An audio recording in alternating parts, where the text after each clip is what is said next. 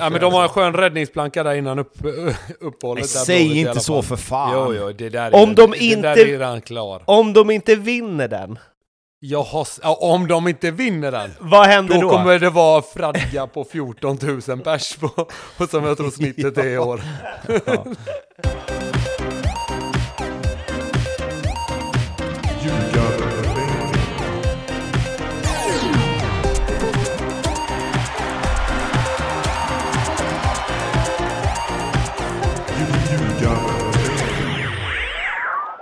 Ljugarbänken i samarbete med Betsson är detta och eh, grabbar, hur mår ni?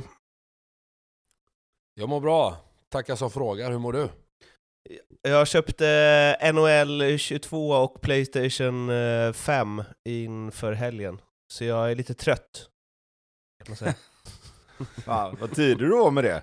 Ja, men jag, har inte spe- jag har liksom inte ägt en tv-spelskonsol på tio år för att jag vet vad som händer.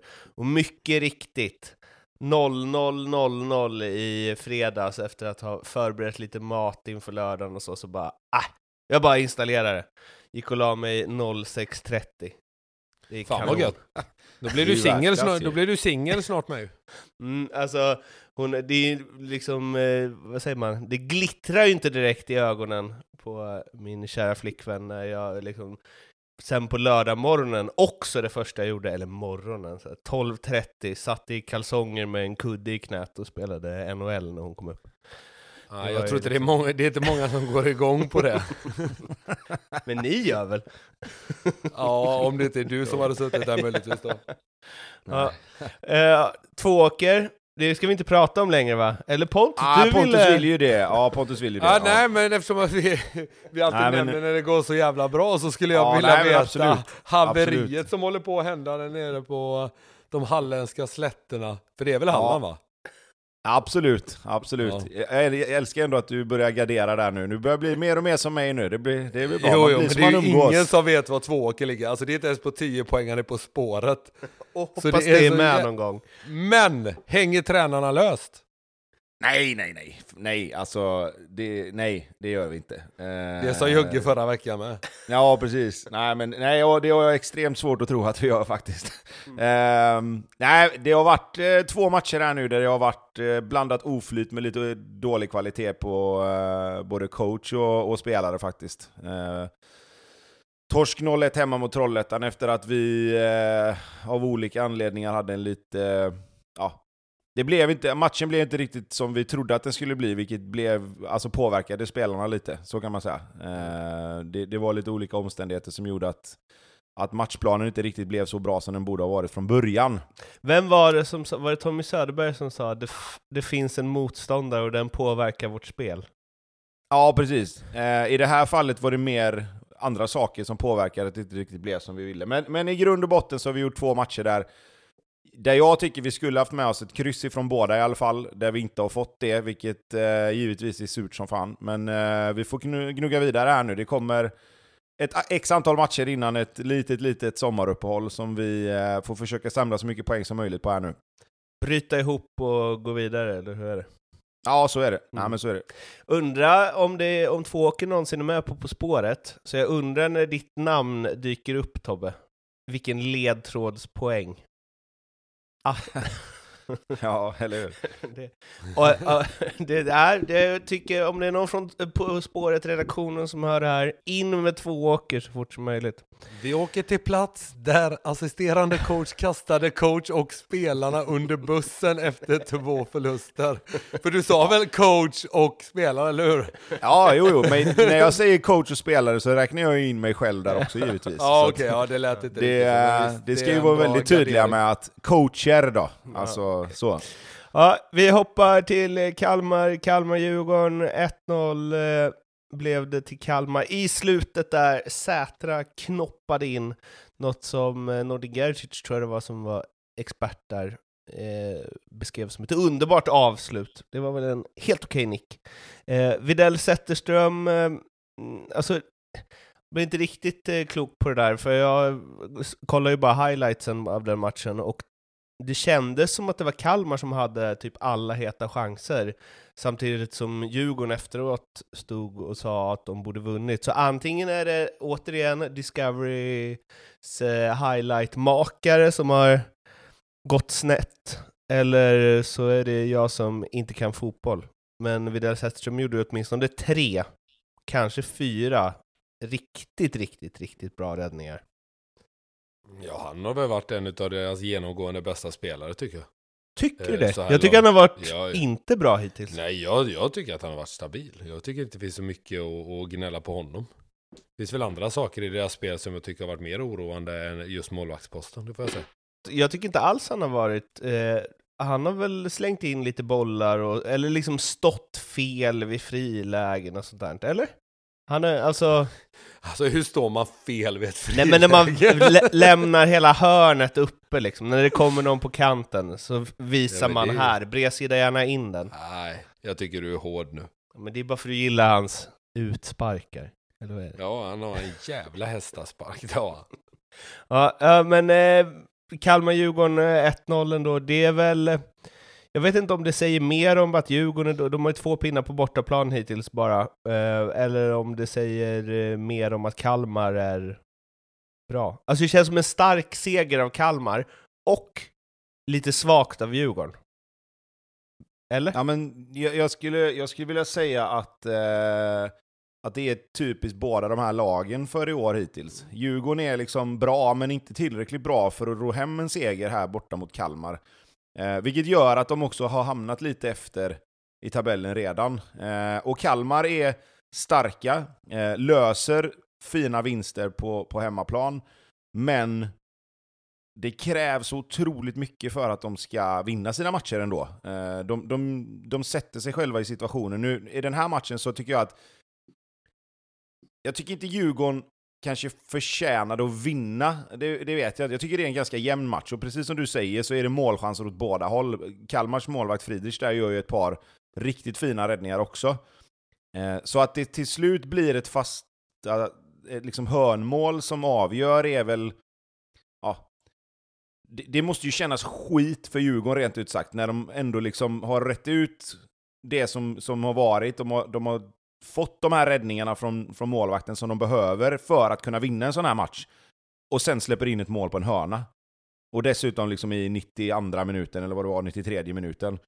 Eh, så där tror jag, jag tror mer det handlar om en, en besvikelse kring det. Och att de inte riktigt känner att de är så spetsiga att de faktiskt åker och vinner en sån här match. För att med de spelarna som Djurgården har, så borde den här matchen... Det, det, det är en match som de ska kunna vinna när de är liksom riktigt på G. Och jag tror att, att de tycker att de ska vinna den här, det handlar mer om en besvikelse i att de inte är det. Alltså de, de känner Ja. att de är bättre än Kalmar, tycker de själva. Men i den här matchen så tycker inte jag att, att de, de har liksom inte...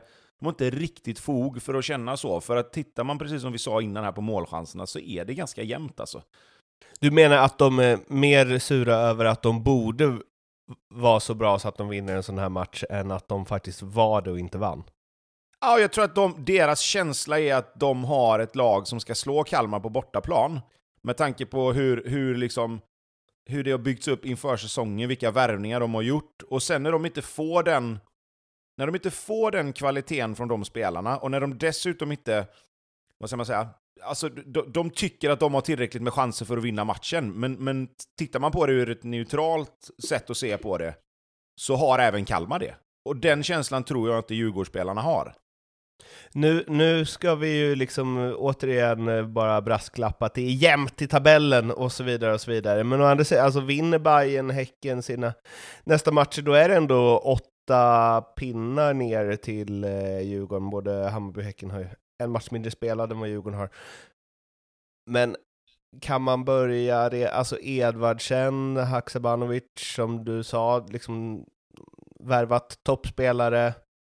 De får inte riktigt ut det de ska av dem. Alltså som vi pratade om Haksabanovic inför säsongen, det var liksom allsvenskans bästa spelare.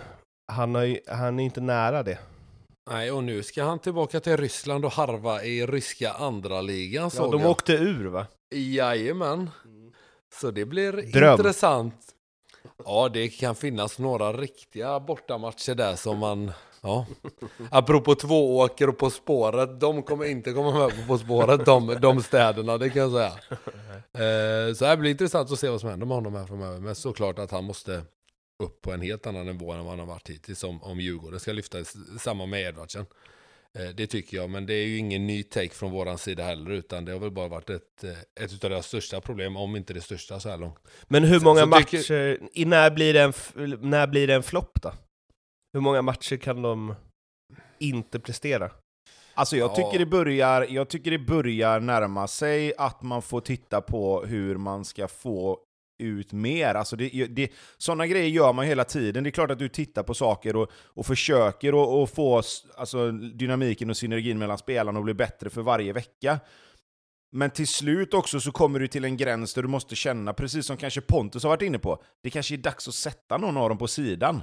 Och, och se liksom att, får vi ut mer av att kombinera ihop andra spelare med varandra än just de här två och en till? Eh, och det är ju ett extremt svårt men ganska modigt beslut att ta om man nu väljer att göra det.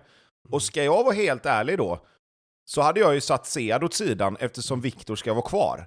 Och se om man kan para ihop dem på ett sätt, till exempel med Kalle Holmberg, med eh, Radetinac, med någon av de här andra Asoro.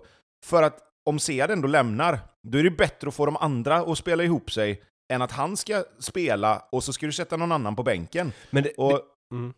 nej, men, och, och, och, det är klart att sätter du honom på bänken, det kommer ju bli, det kommer ju bli svårt alltså. Mm. Det, du sätter ju egentligen inte en sån spelare på bänken, men har du inte fått ut det du vill och han ändå ska iväg, då kanske du får börja tänka på lite längre sikt också. Men det kluriga är ju att Edvardsen vill åt hans position, Edvardsen har inte varit bra, men är ju som bäst i Seads position. Sead har ju varit bättre än vad Edvardsen har varit, men han får ju också spela i den positionen han vill. Men det blir väldigt svårt att säga, ja ah, den här snubben har varit skitdålig.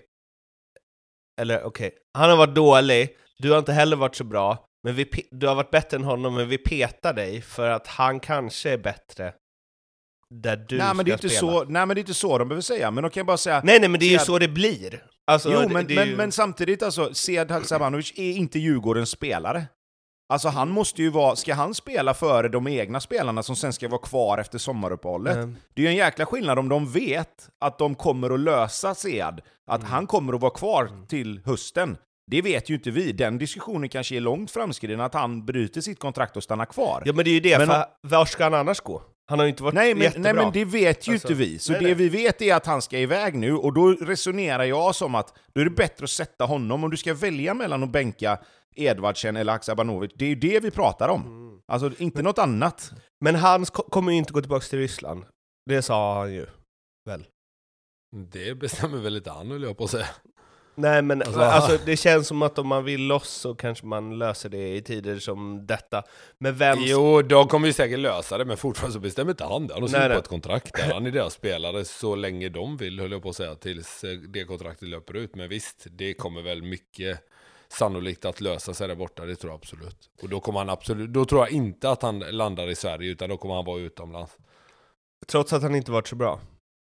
Det tror jag. Oliver Berg, sa efter matchen, eh, om man ska vara lite kaxig, vi hade inga problem med Djurgårdens press alls. Eh, enligt mitt sätt att se på fotboll spelar vi bäst i allsvenskan. Eh, jag kan hålla med honom här. Lite. Jag tycker att vi, vi underskattar, eller sättet vi pratar om Kalmar tycker jag är lite disrespectful. Eh, när vi pratar om, vi pratar som att Djurgården bara ska ner hit och vinna. Lalala. Men fan, Kalmar borta, ge mig något lag som ska vinna den på förhand. Så Nej, jag håller med dig. jag nu. Alltså, jag skulle säga att det är ett av eh, Allsvenskans absolut bästa hemmalag också, när de får stå där och trilla boll och, och på sättet de gör det. Så, tar man en pinne i Kalmar, då tycker jag man ska vara riktigt nöjd vilket lag man än är. Men det, det, det håller jag med om helt och hållet. Det som jag tycker är med Djurgården där, det är att de är ju så pass ändå stabila, tycker jag, att sättet Kalmar spelar på är att de, vill ju gärna, de spelar ju gärna lite väl mycket ibland, har vi varit inne på.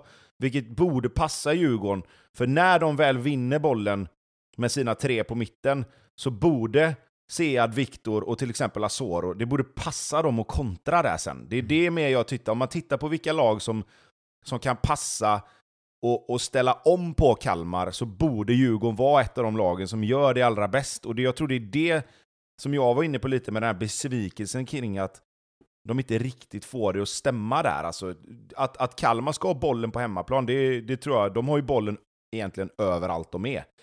Eh, och, och, det är klart att Oliver Berg tycker att de är bäst i Allsvenskan och, och, och sådär. Jag kan, I vissa delar av spelet så är de helt överlägsna bäst i Sverige. Men för att bli bäst i Sverige, och liksom fotboll handlar ju någonstans om att göra mål också, och där har de fortfarande inte riktigt nått hela vägen fram tycker inte jag. De gör ändå inget spelmål, de får en hörna i 93 och gör mål på den, fine, de vinner matchen, inga konstigheter. Men det är fortfarande samma problem för mig, att ska Kalmar då bli bäst i Sverige, så måste de utveckla sitt offensiva spel och göra mer på det som... Nu, nu gör ju målvakten bra räddningar i just den här matchen kanske, men det är fortfarande ingen slump att, att det blir så. Uh, han säger ju, uh, Berg här, att um, om jag tittar på mig själv och ser på de andra allsvenska lagen så kan jag inte se att jag skulle trivas bättre med fotbollen som spelas någon annanstans i allsvenskan. Jag njuter av att spela i Kalmar FF, jag älskar att spela fotboll här. Eh, när vi spelar som bäst är vi väldigt bra, men sen lägger han också till vi måste vara ännu mer konsekventa och alltid göra det tråkiga jobbet varje dag, men vi har kommit en bra bit på vår resa. Jag tycker det är kul att det är det som, det som Rydström absolut gjorde 11 av 10 matcher, det är det han inte riktigt får sitt, sitt eh, lag han tränar att göra. Men han får dem att spela en fotboll som han absolut inte spelade. Nej, nu är du hård mot Rydström tycker jag. Det var en bra passningsspelare och det var väl, var det någon i det laget som faktiskt ville spela fotboll så var det väl han och Rasmus Elm höll jag på att säga. Ja, men Deras han... skethus till backlinje där, de var ju inte direkt bra med bollen. Han har ju eh, själv sagt att lite... han, han också liksom slog iväg studsande passningar till Rasmus Elm som gick i knähöjd. Men det märktes inte när han spelade med Rasmus Elm, för han tog emot ja, dem nej, som att det var, perfekta passningar. Nej, så var det ju givetvis också, men jag tycker nog att han eh, pratar ner sig själv rätt mycket där också, för man överlever inte allsvenskan på den nivån. Var, var han... Med tanke på hur liten han var så tyckte jag ändå att han var en rätt skicklig spelare. Småland Xavi? Är det det du säger? Ja, ah, nu är du kanske i andra änden då och överdriver hans storhet som spelare. Eh, nej, vi landar någonstans mitt emellan så kanske jag är nöjd då. Mm. Spelar de för, kan man spela hur trevligt som helst och ändå vinna matcher hela tiden i Allsvenskan?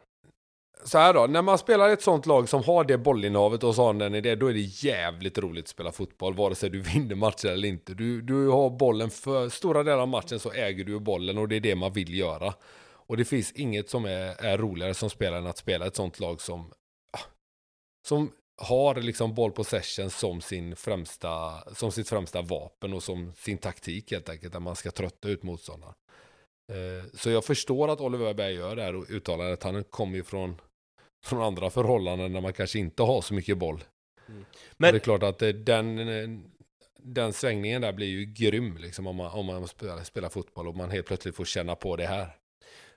Är det lättare att värva spelare om man spelar som fotboll? Ja, ja, definitivt. Det är väl inget snack överhuvudtaget. Det tror jag. Mm.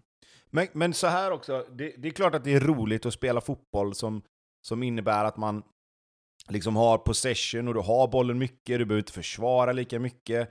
Eh, så. Men någonstans måste det ändå bli att när du känner att du är så bra då, han tycker att de är bäst i Sverige, när, när, när resultaten inte riktigt motsvarar det. Alltså det, nu är de ju bra, alltså de är ju på väg att bli ett topplag och fortsätter de så här så kommer de säkert vara topp 5.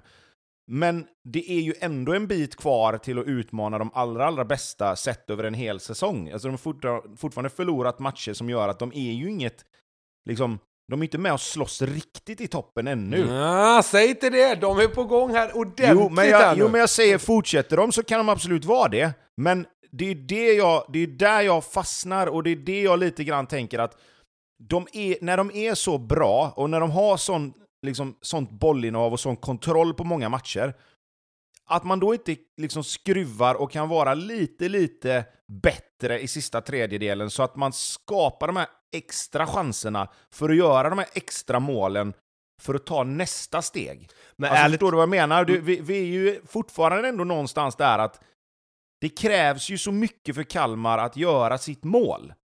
Tycker jag, när de möter lag som ändå är någorlunda i försvarsspelet. Men kan det inte vara så att de får dåliga spelare då? Att, de, att den här spelsättet får spelare som egentligen inte hade varit så här bra att bli mycket bättre, så att de bara... Där tror jag du sätter fingret på något. Där tror jag verkligen du sätter på fingret på något. Jag tror inte det är många av de här spelarna som skulle gå in i de bästa trupperna i, i allsvenskan. Men det är sättet att spela på som får dem att se bättre ut än vad de egentligen är. Alltså Oliver Förutom Berg... Carl, Gust förutom Carl Gustafsson, för det är en av mina absoluta favoritspelare i allsvenskan. Jag menar bara om de hade, vad hette han? Ari. Da Silva Ferreira, hette han så? Mm. Något. Han, Ja, hade den de enda allsvenska spelaren som haft större röv än vad Tobbe hade. Ge mig en! Skog kanske? Niklas Skog, ja precis, det vill säga det. Eh, Ja, men om de hade haft en sån spelare? En spelare... Jo, men, jo, nej, alltså absolut, givetvis. Du, ha, alltså, hade du kunnat sätta in spelare på varje position som är bättre så... Jag tror fan att de hade varit bättre, det säger väl sig själv. Men, men, jag men menar kanske det inte man- är spelsystemet då? Eller? Nej men spelsystemet, det, det, det är klart att någonstans måste du ändå komma till fler avslut. Även om, det är, om vi då nu ska säga att en bättre spelare hade gjort mål på de avsluten mot, mot Djurgården här. Mm. Ja, absolut. Men, men nu har de ju de spelarna de har, och de, de har ju fått utveckling på varenda spelare, så jag säger ingenting om att jag pratar inte ner Kalmars sätt att spela på det sättet att jag inte tror att det kommer funka. Det är klart att får de hela tiden uppgradera vissa positioner så är det klart att det till slut kommer bli att de kommer vara med och slåss om SM-guld på, på riktigt allvar. Men då är det ju också så här, är man då bäst i Sverige redan nu? Det är mer det jag ifrågasätter. Om det sättet att spela på är det, det kan det väl absolut vara. Det, det, det säger jag ingenting om. Men jag bara, man får, det är ju fortfarande en helhet i allting. Och där tycker inte jag Kalmar är riktigt ännu. Sen att de kan komma dit, absolut. Uppmärksamma lyssnare kanske har noterat att vi spelar in innan Mjällby-Sundsvall spelas. Eh, det noterade ju eh, i alla fall vår gode vän Johan Martinsson som svarade så här på din eh, tweet Pontus när du skrev imorgon spelar vi in ljugarbänken. Jaså, ni hamnade där till sist. Ni spelar in innan vi spelat för att det är för mörkt. Jag köper det förstås. Man kan säga att det är för din skull Johan, vi gör det här. Vi ignorerar bara eländet istället. Uh, nej, men ibland så blir det någon match som hoppas här och där. En match som inte hoppades var ju eh, uh, Varberg-Degerfors. Eh, och uh, vi kommer till sena avgörandet och hej och hå. Men Campos alltså, när han gör mål. Alltså man hade bara kunnat flytta honom in på Boca Juniors River Plate eller något. Alltså han är liksom... Fy fan vad jag älskar. Det är som att han har gjort det viktigaste målet i världen varje gång han gör mål. Sån jävla passion alltså. Ja det är det, det där klassiska bara springa längs sidlinjen och Bara, skrika att han är bäst. Fattar inte vad som har hänt. Lika överraskade varje gång de gör mål. Trodde jag också att han skulle skalla ner eh, Matthews där när han blev neddragen. Ja, eller hur? Hade inte det också varit River Plate Bocca? Få med sig en frilägesutvisning, skalla ner den som gjorde det och bli utvisad själv. Verkligen. Jag Nej, fattar... men det är, han, är, han är bra alltså. Eh, det, det är ju... Alltså, vi pratar om så här spelare som sticker ut. Jag tycker han sticker ju ut i, i ett annars ganska beige eh, Degerfors alltså. Mm. Han och Saidi där är ju de två spelarna som kommer rädda Degerfors om det går att göra liksom. Eh, Jävlar vad man vill se honom också i typ Bayern inför 30 000. Hade inte Campos kunnat funka typ i Kalmar då? Om vi nu ändå ska Jo, jo. kliva tillbaka dit. Inte Men det jag menar inramningen han förtjänar. Ja, men lite så. Ja, men kanske, ja, absolut. Nej, men jag tror att där har de ju, där har de ju faktiskt ett jobb att göra och försöka övertyga honom på något sätt att vara kvar året ut ändå, för att Mm. se om de kan få eh, den räddningen liksom. Eh, för att han är ju den som skapar och, och liksom bryter mönstret lite, ihop med Saidi då såklart. Eh, sen är det ju blytungt igen, alltså. Det, det är... Ja, jag vet inte fan alltså. Hur, hur man kan gå på en sån i, i, i 90 minuten där det blir ett friläge från halva plan. Liksom. Alltså, vad vad vad fan?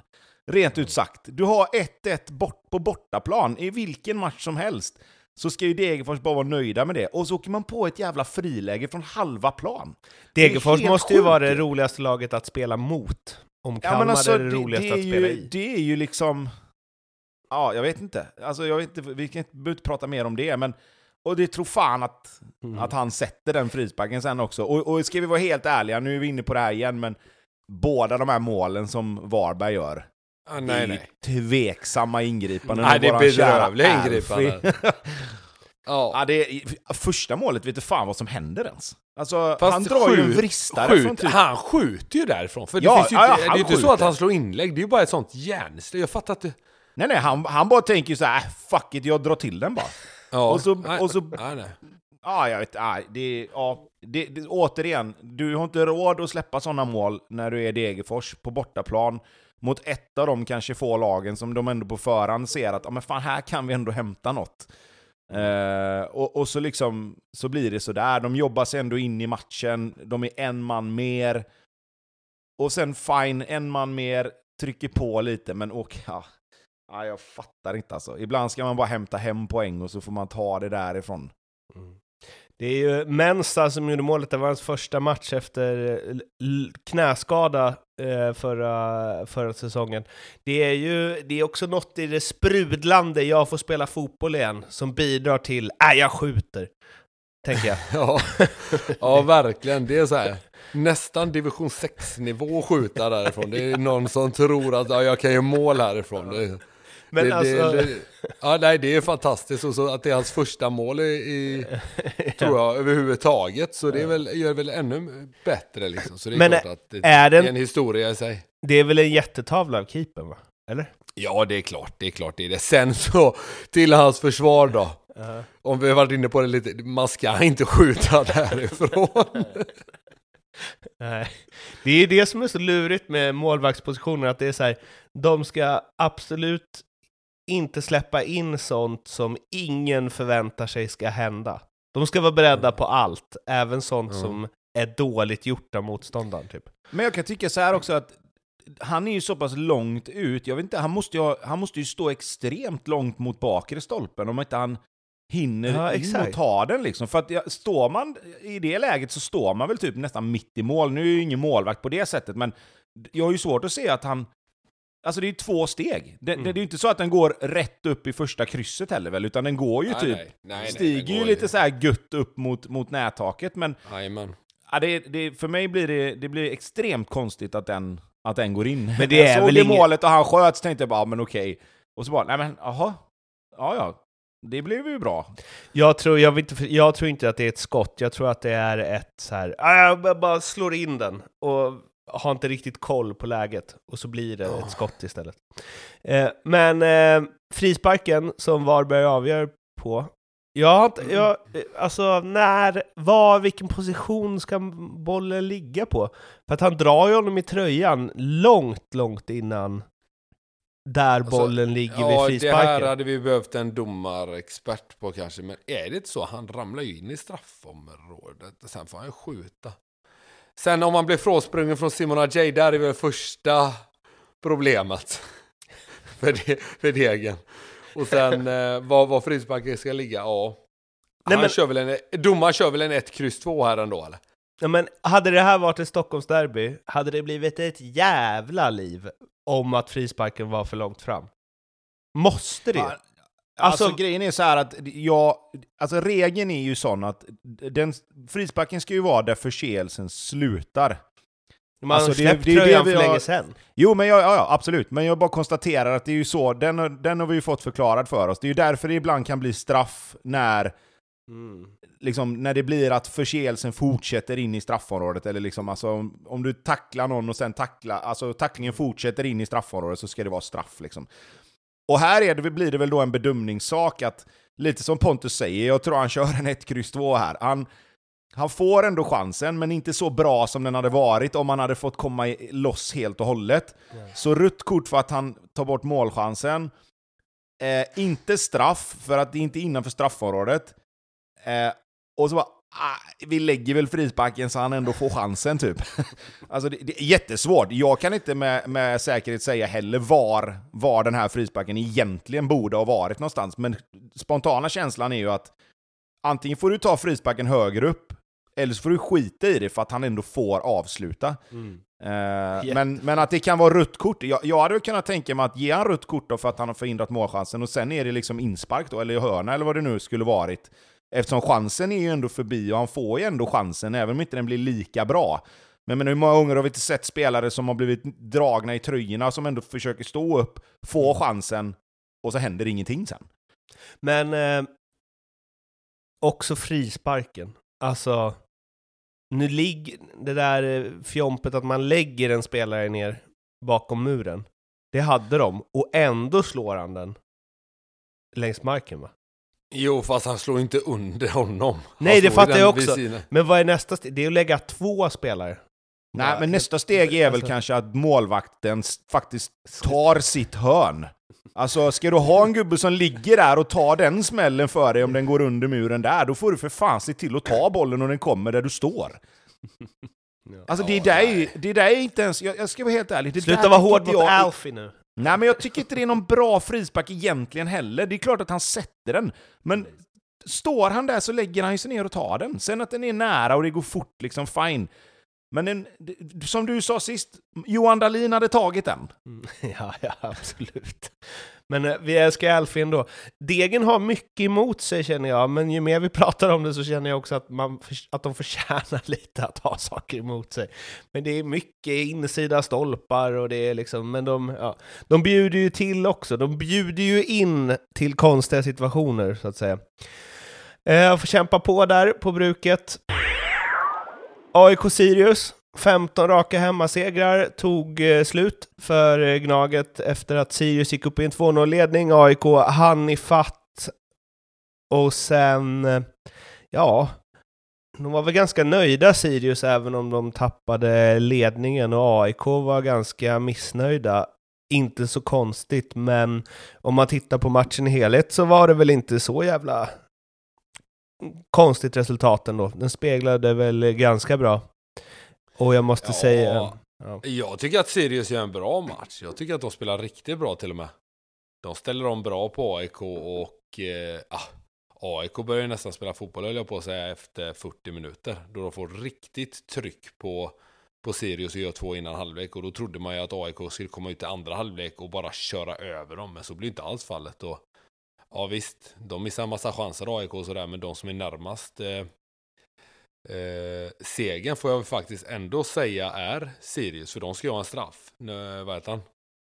Mohammed, domaren här, går och gömmer sig sista 10 minuter. Han dömer matchen i 80 minuter och sen bara går han därifrån.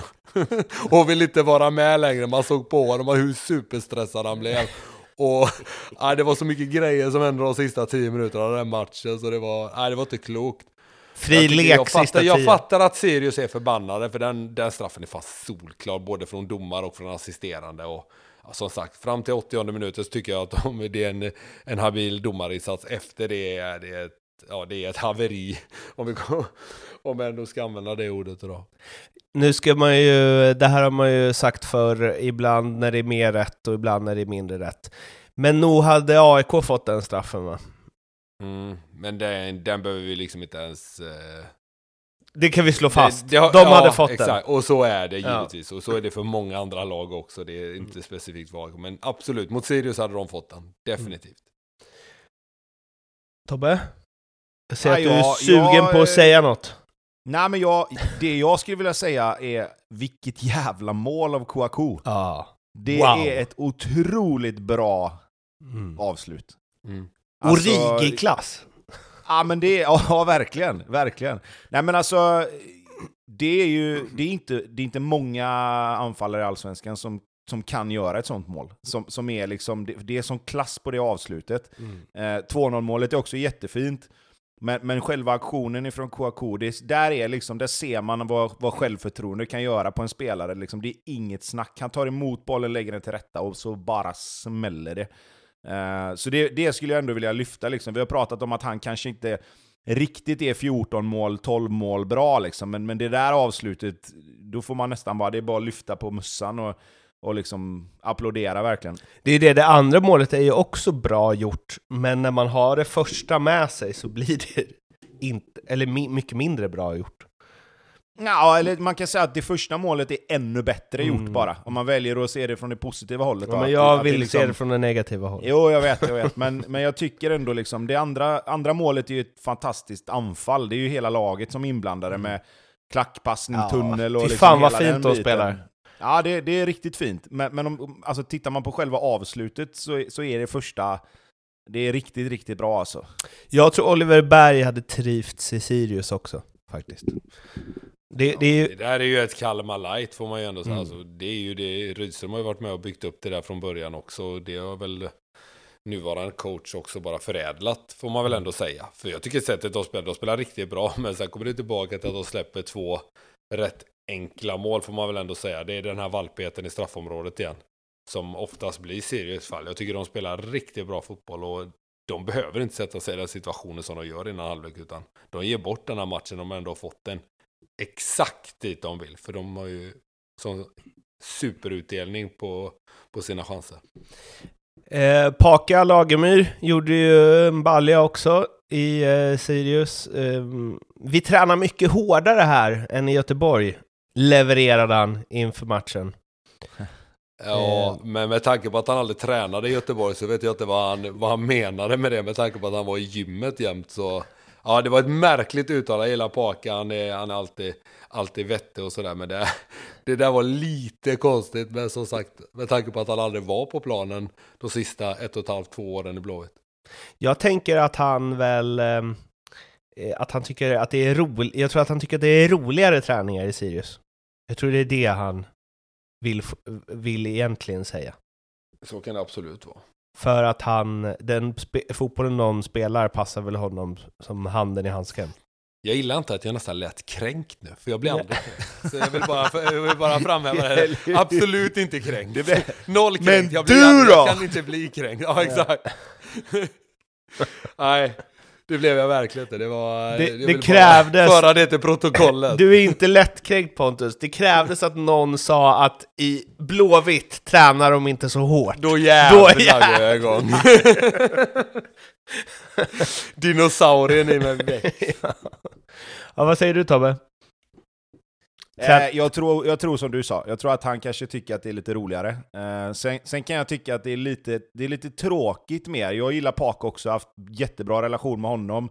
Eh, har ju spelat ihop med båda hans eh, storebröder och liksom sett honom växa upp och allt det där och varit med om alla de här skadorna. Och jag vet ju hur, hur hårt han har jobbat, men också hur hårt Blåvitt faktiskt har jobbat för att få honom tillbaka och hur mycket de har försökt hjälpa till. Och att han då ska ja, insinuera att, att, att det är så mycket bättre någon annanstans. Jag tycker det är lite respektlöst mot alla de som har försökt hjälpa honom i Blåvitt.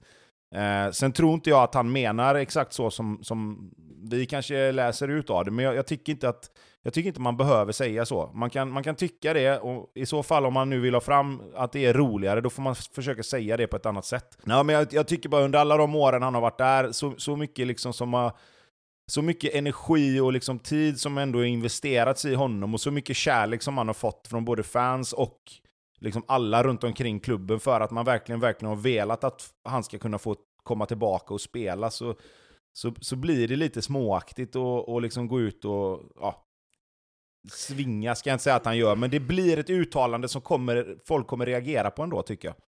Det känns Ja, ju... jag, tror också, jag tror också bara att han är liksom caught up in the moment här efter matchen. Och, Det var och- innan och matchen väl? Var det Var det innan matchen till och med? Ja, men jag tror att så här, att sättet Sirius eh, spelar på, likt Kalmar, det kan förtrolla många och så här, ja fan så här kan man ju också spela fotboll och så tror jag att de tycker att det är svinroligt så kan det bli att man uttalar sig lite plumpt om, om sin tidigare arbetsgivare. Han hade, gjorde väl två framspelningar i matchen innan i och för sig, kanske därför han seglade iväg. Men eh, det är också ett stycke i den här, det känns som en, eh, att han har liksom pratat loss i den här intervjun. För sista stycket är ju om hans halvbrors son, Kasper med Z, for the record, Karlsson. Som eh, spelar i Superettan eh, i eh, HBK och då står det så här, för han är liksom inte bara... Patrik Karlsson Lagemyr är farbror alltså, eller morbror, eller hur är det egentligen? Och han svarar, ska vi ta den här nu? Herregud, det här får inte bli en rubrik för det kommer låta som incest, men det är det inte. Och sen så följer några rader där han ska förklara då hur det här inte är incest, och det får ni fan googla upp och läsa själva, för det, det låter jag förstår det, inte. Det låter som att det här släktträdets grenar går ihop lite. det ser ut som det där jävla avatar-trädet. Fast den här har man ju, den här har man ju liksom eh, varit, varit eh, liksom, jag har ju sett det här från sidan och det är ju exakt så som man säger. Det är ju egentligen, det är, inget, det är egentligen inget, det är inget fel liksom så. Sen är det lite annorlunda. Snårigt, lite snårigt är det. Det är lite annorlunda, för det är ju inte ofta det blir så. Men, eh, men det är klart att när, när två familjer slår samman och, och liksom en från varje sida hittar varandra där, då, då kan det bli snårigt. Mormonskt, är det inte det?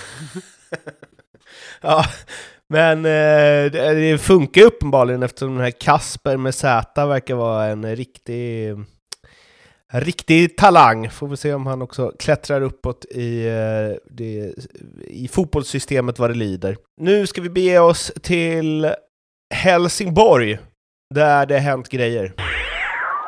Jögga Lennartsson kickad och Eh, skrev ju i chatten där att vi har eh, fostrat diverse ASS-tränare och sportchefer till den svenska elitfotbollen.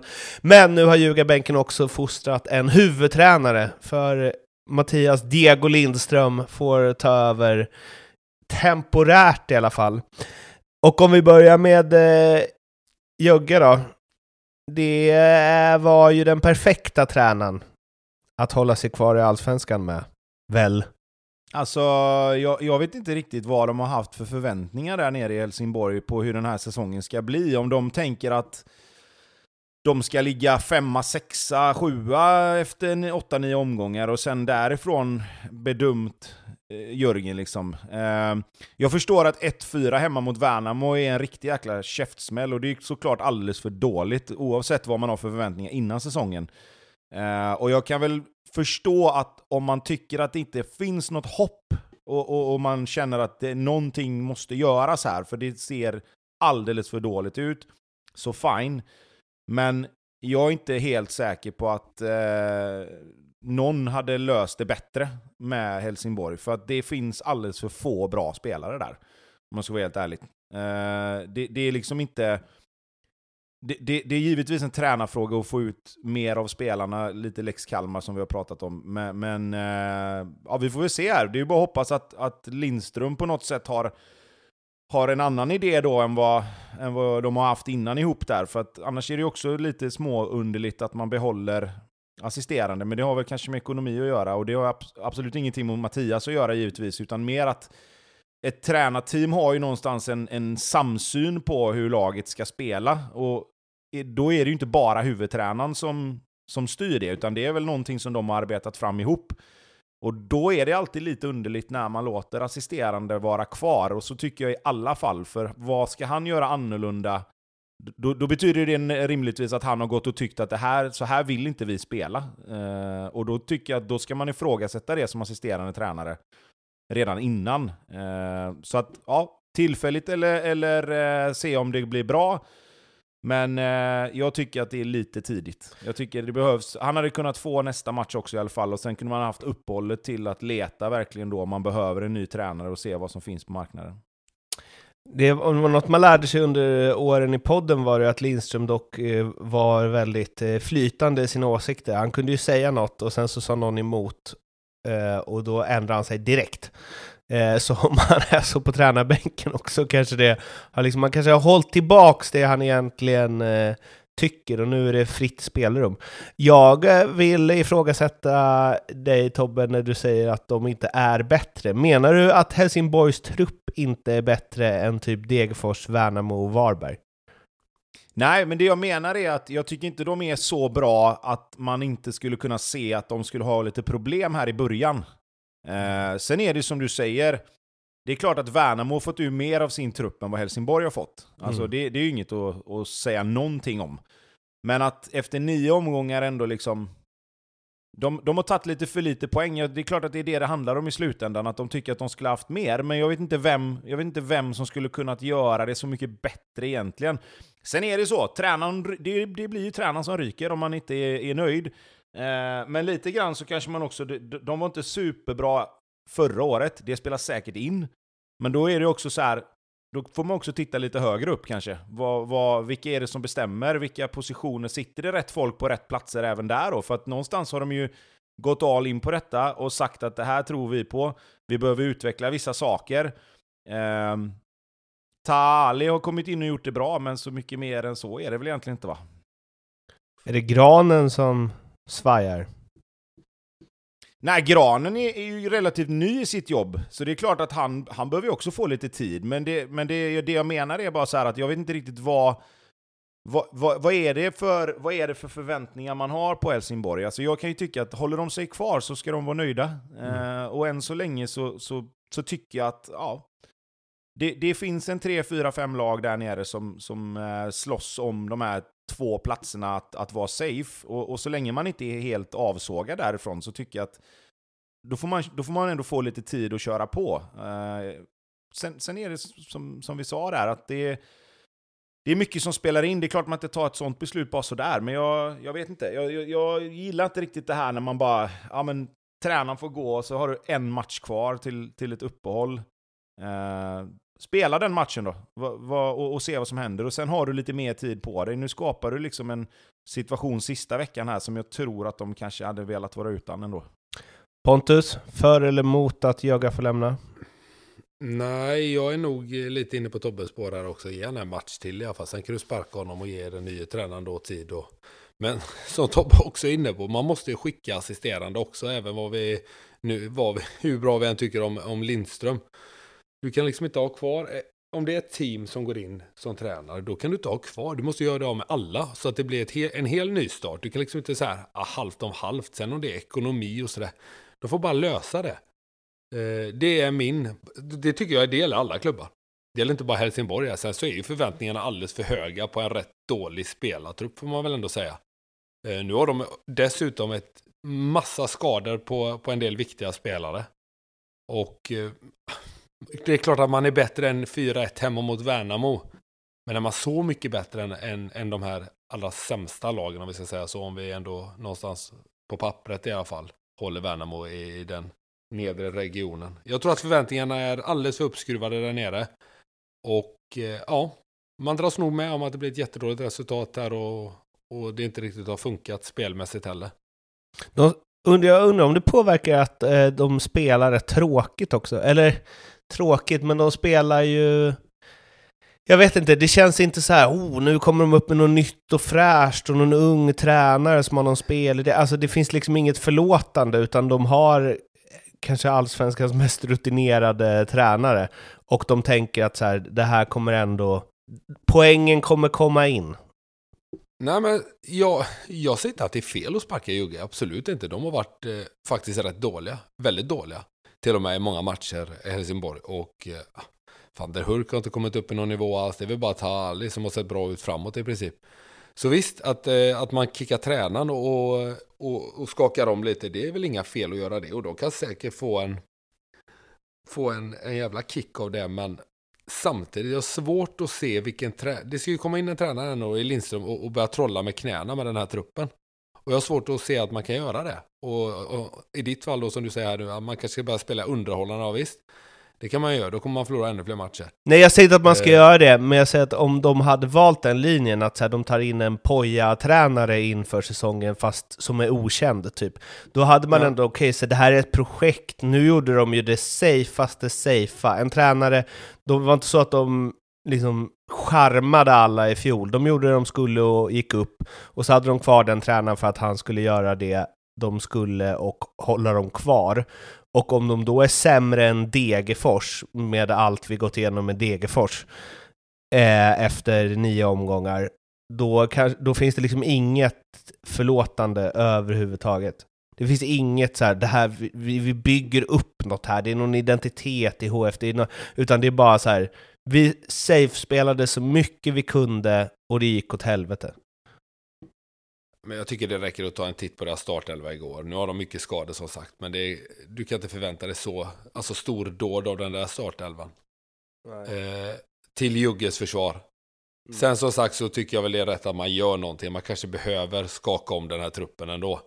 Sen om man hade väntat en match till, visst, det kanske hade sett snyggare ut och gett den nya tränaren lite mer tid. Men Ja. Jag, jag, tror, jag tror det handlar om, jag tror det handlar om eh, att, att det är just Värnamo som kommer dit och kör över dem också. Eh, som på något sätt innan säsongen i den truppen som vi tittar på, som vi kanske då kanske kan minst om, men som vi då på pappret säger, ja men de, de ska åka ur, de, de, de har inte spelarna som krävs liksom. Eh, och så likt då, om man säger, som vi pratade om att Degerfors ändå kanske kommer till Varberg och känner att den här matchen kanske vi ändå ska ha med oss någonting ifrån. Så det är klart att Helsingborg tittar på spelschemat och känner att okej, men Värnamo hemma, där kan vi vinna, den måste vi ha liksom. Eh, och så får man en sån rejäl stjärnsmäll verkligen, där, där du åker på 1-4 mot en, mot en annan nykomling, eh, som dessutom spelar en helt annan fotboll än vad Helsingborg gör. Eh, och jag tror bara att det, det blev liksom... Det, det är så här det kunde sett ut, tror jag många tänkte liksom i Helsingborg. Och även liksom kanske uppifrån då, att så här hade det kunnat se ut. Om vi hade fått lite stäm. Eh, men då skulle man heller inte... Alltså vill, vill man spela som Värnamo gör så skulle man inte tagit Jörgen och Mattias från början. För, för att du vet ju att du får hårt jobbande, du får liksom det här klassiska köttarmentaliteten liksom, alltså lite grann. Och det... Jag tror på riktigt att spelare och ledare har enklare att hålla sig kvar med det. Sen kan man, sen kan man argumentera för båda givetvis. Det är svårt att sitta här och säga att man ska kriga sig till ett nytt kontrakt när man ser att Värnamo gör precis tvärtom. Men, men du måste också ha med att de har ju kört sitt i ganska lång tid och fått en, en, liksom en, en röd tråd i hela klubben. Helsingborg skulle in och starta något nytt förra året. Och det är klart att i Superettan så gick det inte superbra, men de gick ändå upp. Och sen är då målet att hålla sig kvar. Och efter nio matcher så ser man då att nej, vi kommer inte hålla oss kvar. Vi kommer inte hålla oss kvar med det här. Och så väljer man att, att, att kicka tränaren. Vad är det som säger att nästa tränare kommer hålla Helsingborg kvar bara? Det är mer det. Har de någon som de bara på rak arm, okej men den här ska in. Då, då är det fine liksom. Det, det kanske är så. Det kanske har diskuterats under en längre period. Man kanske har sett det här och tänkt innan säsongen att ser det likadant ut så, så kommer det, då måste vi göra någonting innan uppehållet. Eh, annars tycker jag, jag tycker tajmingen är konstig. Jag tycker en match till, liksom ro i hamn vårsäsongen, utvärdera och sen då ta beslutet efter ett litet uppehåll och så får du några veckor på dig och liksom titta. Helsingborg-AIK nästa omgång. Det känns som att det kan bli en målsnål historia va? Ehm, ja, Alltså Eller det känns som att Helsingborg bara så här, okej, ah, en poäng är en vinst. Och att AIK kanske inte är de som kommer skölja över dem på bortaplan. Nej, 1-0 AIK är väl inget, Ja. eh, ingen vild gissning kanske. På ett självmål. Ja, kämpa Lindström. Det ska bli kul att se din glidtacklingsfotboll i eh, Allsvenskan också. Fy fan, det var ett riktigt jävla påhopp. ja, du vet ju mer än vad vi eh, gör Tobbe som har, som har jobbat nära honom. Eh, nu ska du dra och lämna barn va? Ja, det börjar väl eh, lukta det så. Då tänker vi att eh, Andreas, den gode Blomman, får ersätta dig så pratar vi lite Bajen så slipper du höra på det. Blommi Blomsson, hallå? Jajamän. Oj, oj, oj. Det låter som att du sitter i en äggkartong. Det är väldigt eh, tight ljud. det låter som du ringer från yttre rymden. Inre rymden, tycker jag. Det låter väldigt... Eh, Är det för bra? Nej. nej, men det är inte för... Nej, nej, det är, Nej, bara, nu, nu får du lugna ner dig här. det är bara annorlunda. Vad gör du? Eh, jag är faktiskt i Sverige på eh, lite semester. Scoutingresa? Ja, exakt. Roligt att åka till Sverige på semester i maj. Ja, men man får ju åka efter eh, event så att säga. Jag har varit på eh, padel hela helgen och jag ska på cupfinalen på torsdag. Är Är du du peppad? nervös redan nu? Nej, men jag börjar bli lite nu. Det börjar, nu är ju nästa match finalen så det är klart att det blir man ju lite. Det är inte ofta det är det, nästa match, finalen. Det var ju...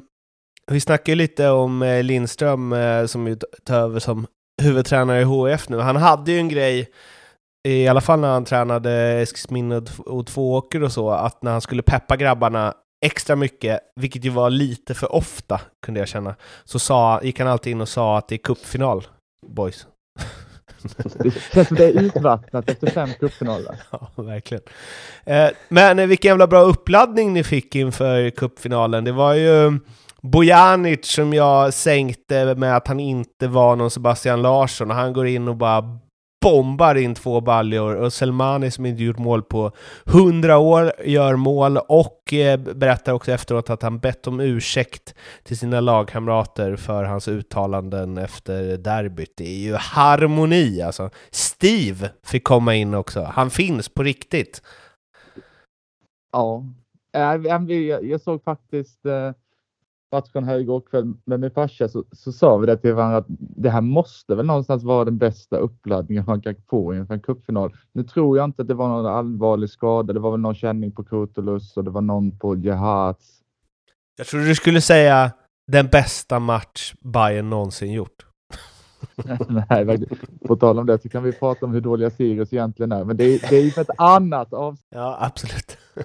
Sirius? Men det är väl klart att... Eh, Jaha, nu är jag med. Nu är på. Nu kopplar jag. Ja. Ja, det var. Nej, men det är väl klart att det var en jättebra uppladdning. Bojanic, eh, det syntes faktiskt tycker jag hur mycket det betydde för Bojanic att studsa Mm. tillbaka. Framförallt 1-0 målet men även 2-0.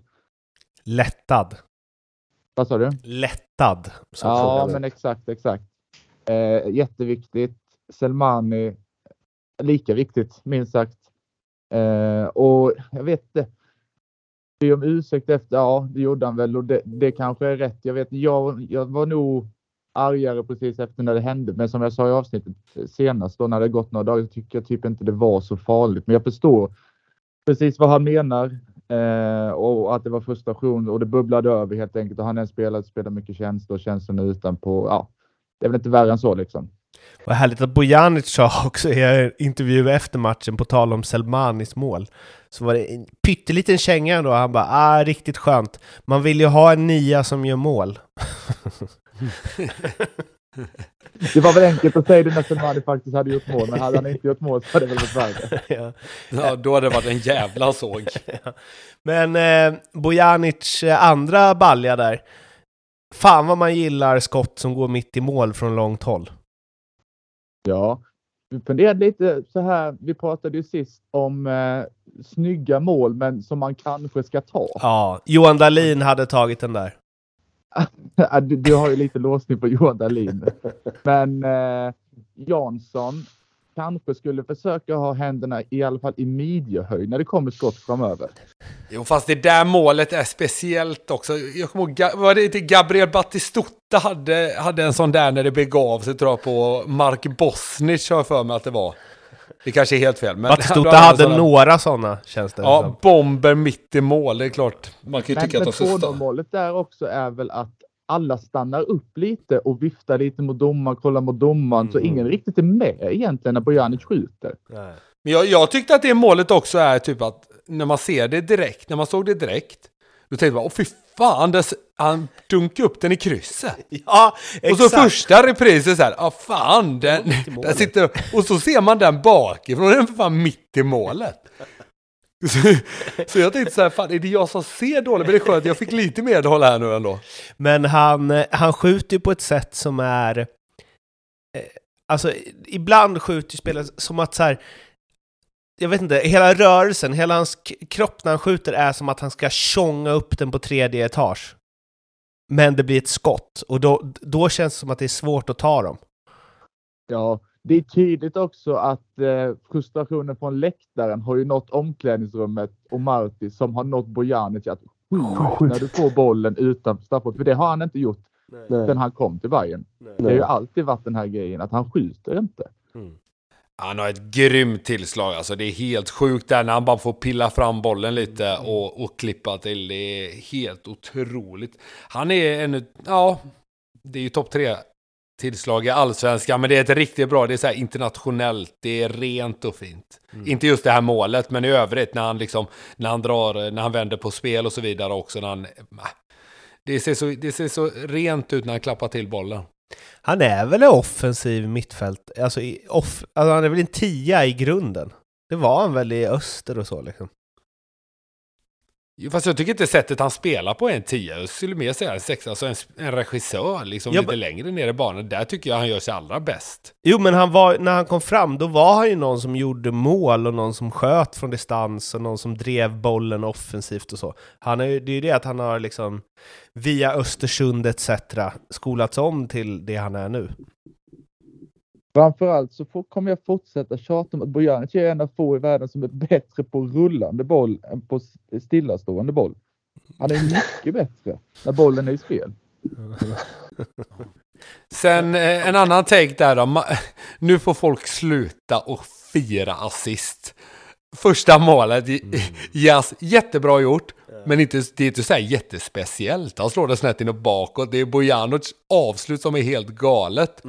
Det är inte glida yes. på knäna vid Nej, det, hörnflaggan. det är inte dags att glida på knäna för den assisten. Det, det, nu får folk fan lägga av. Ja, alltså inte ens Diego Campos firar assist på det sättet. Nej, vet du. Kolla på Marcus Berg, hans assist i första matchen till Simon Tern. Ja. Så firar man inte en assist. Det bör alla ta efter. Man liksom vänder sig och kör tummen upp till han som gjorde mål. Visst, man kan ta på sig det lite, men eh, ja, någon jävla måtta på det får det vara. Gjorde Gerhards det eller? Ja, Har du inte sett det? Du måste titta, det är helt vanligt. liksom, alltså. VM-final, VM-final nästan alltså. Det var ju tur att Bojanic var så lättad så att han firade så mycket, annars hade ju Jas firat tydligt mer över sin assist än Bojanic över sitt mål. Ja. Men han kanske kände ja Celtic, nu kommer jag! Det är fan märkligt just nu. Alltså typ allsvenskans tre bästa spelare för dagen typ är vänsterbackar nästan. Vilka Det har är vi? helt otroligt. Jas, Ja, Jas Otieno har ju kommit igång något och det grövsta får man ändå säga. ja. Eh, sen, ja, nu är det lite hårt att säga Sandén, men jag tycker han har varit grym i Elfsborg. Eh, men så här då, det är ju annars en position där man alltid sätter den sämsta spelaren. Mm. Det Så är, det är, det, är lite intressant får jag väl ändå säga. Den blommar ut. Juan Carlos de Brito är ju inte med på den listan i alla fall. Nej, fy fan om du frågar. Tobbe innan säsongen så absolut. Vilk, Verkar vara en oskön människa också. vilken dålig värvning. Dock, Där fick du ändå in din lilla sågning. Vad är det han har gjort nu? Vad är det, vad är det som har retat under matchen nu? men du, Han är ju super... generellt oskön. Men su- han skulle också haft frispark där. Rätt tydligt. Väl. Jeppe Andersen, båda sulorna. En så kallad cityglidtackling. Jag gillar när sånt inte Ja, blir frispark. Han tog ju bollen först i alla fall. Vad sa du? Han? Han tog ju bollen först. Ja, absolut. Pontus Wernbloom, världens sämsta referenspunkt. Ja, ja, verkligen. Nej, Uh, det var hårt. Jag brukar ropa på frisparkar här och där, men det där var väl lite så jävla farligt. nej. Steve, vad säger du? Nej, men det, det finns väl inte mycket att säga. Det var ju inte jättemycket att jobba på. Däremot så, Men säg något ändå. ja, förväntningarna fanns ju där. Minst sagt, jag har aldrig hört någon bli så hyllad som vi aldrig har sett innan på en läktare. Det var ju till och med lite oj, när han ja, visst var det ja, jag tänkte också på det. Fast det är ju härligt ändå. Det är ju nästan roligare än... Ja. Det måste vara så jävla nice för honom också att komma in och bara slå en bredsidespass hemåt. Och alla bara Oj! Nu blir det grejer här. Ja. Nej, det, var, alltså det, var väl, det var väl kul att se och framförallt så var det väl skönt att han äntligen är frisk och spelar fotboll. Eh, får vi se här, cupfinal och sen är det Värnamo borta. Sen tror jag väl att det är uppehåll så ja, det kan väl bli några minuter till. Nu får vi släppa det här med Sirius och, och Hammarby. Ja, tack. Eh, det jag ville göra i alla fall, jag tycker de imponerar riktigt mycket också. Det var jag redan inne på i början, men då var det som sagt lite enklare motstånd. Men nu tycker jag faktiskt att de ser ut som en riktig guldutmanare och ja, med tanke på hur Malmö ser ut och eh, och- AIKs lilla tapp här så håller jag nog nästan Hammarby som favoriter här nu. När vi går in i, i uppehållet. Det är väl Jas här då som ska ersättas, för han lär ju inte bli kvar eller? Vad tror vi? 90-10 att han flyttar?